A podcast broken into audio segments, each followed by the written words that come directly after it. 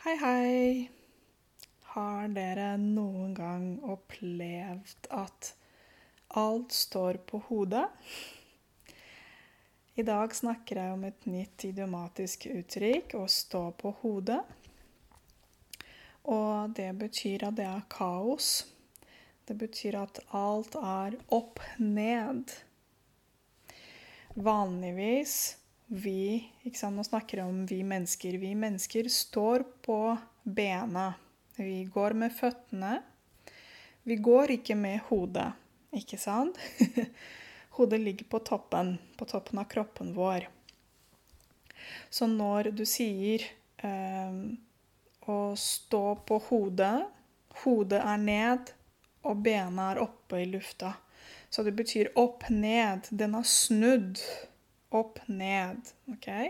Og det betyr kaos. Det betyr ikke struktur. Ikke noe oversikt. Så for eksempel um, Du kan si at hele huset til vennen min sto på hodet da han flyttet Da han skulle flytte ut av byen. Så hva betyr det? Det var bare kaos hos vennen min når han eh, bestemte seg for å flytte ut. Og det var eh, masse kanskje kasser og bokser og alt mulig. Det var fullstendig kaos. Så dette her med opp-ned er å endevende uh, noe. Um, det vil si opp-ned igjen. For eksempel endevende. Hun endevendtes ryggsekken for å finne lommeboka si. Det betyr hun tok ryggsekken opp ned for å kunne finne lommeboka si, fordi det var vanskelig. Har dere opplevd dette her noen gang? Jeg har gjort det. ja. Eh, når lommeboka ligger helt innerst i ryggsekken. Det er litt kjedelig. Eller for eksempel Vi kan si at en garasje kan bli snudd opp ned, ikke sant? At det var garasjen som sto på hodet. Jeg måtte begynne på nytt, på nytt. Det var helt kaos der. Det var ikke noe struktur. Garasjen sto på hodet. Så vi har dette verbet stå, sto, ha stått. Eller um, en eiendomsmegler. Du kan si det var eiendomsmegleren som kom på befaring, og alt sto på hodet hjemme hos meg. Eh, så da var det en spesialist som skulle evaluere huset og se på hvor mye man kan få for boligen sin. Det er det det er på befaring. Det er å komme med en pris. Og alt sto på hodet, så det var bare kaos hjemme. Det var ikke fint, og det var ikke bra. Og det er også noe man opplever veldig ofte når man skal pusse opp hjemme. Å pusse opp, det betyr å renovere. Å få nye vegger, f.eks. Man maler veggene. Kanskje man, eh, man kan også bytte gulvet. Ja, eh, masse forskjellige ting. Vinduene kan eh, også males og byttes, eventuelt veranda, baderommet, soverommet osv. Så, videre. så det er veldig ofte sånn at eh, hjemme eh, står på hodet når man pusser hjem. Ikke sant? Når man pusser opp, unnskyld. Når man pusser opp. Så det, det heter opp, oppussing. Men det, det, var den første betydningen. Men det er også en annen betydning til dette her, mer bokstavelig, når man står på hodet som en form for gymnastikk. Eh, en, som en form for fysisk trening.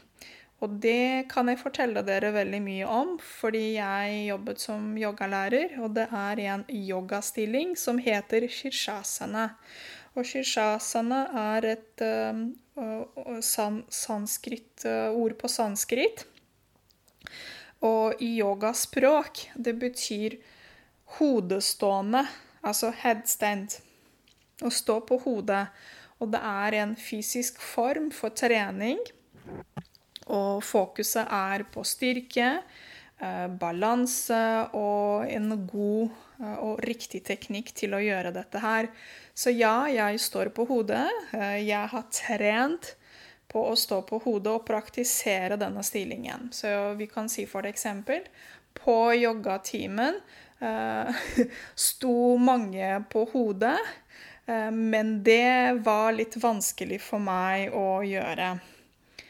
Så um, her var det et eksempel når en person kanskje deltar på en yogatime kanskje på et yogasenter eller sportssenter, og man praktiserer det som heter hodestående. At man står på hodet.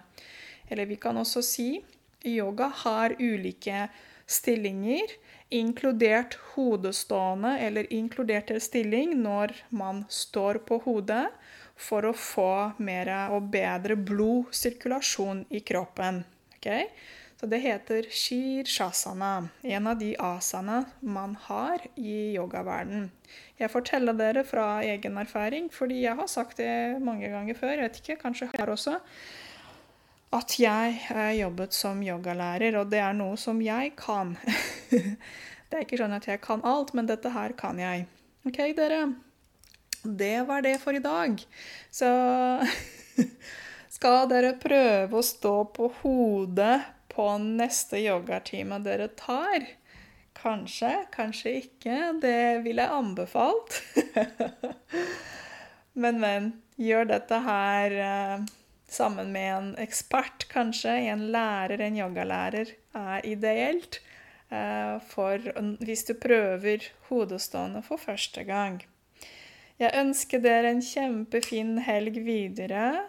Søndag kommer en vanlig uh, Eh, podkast som er litt lengre med transkripsjon.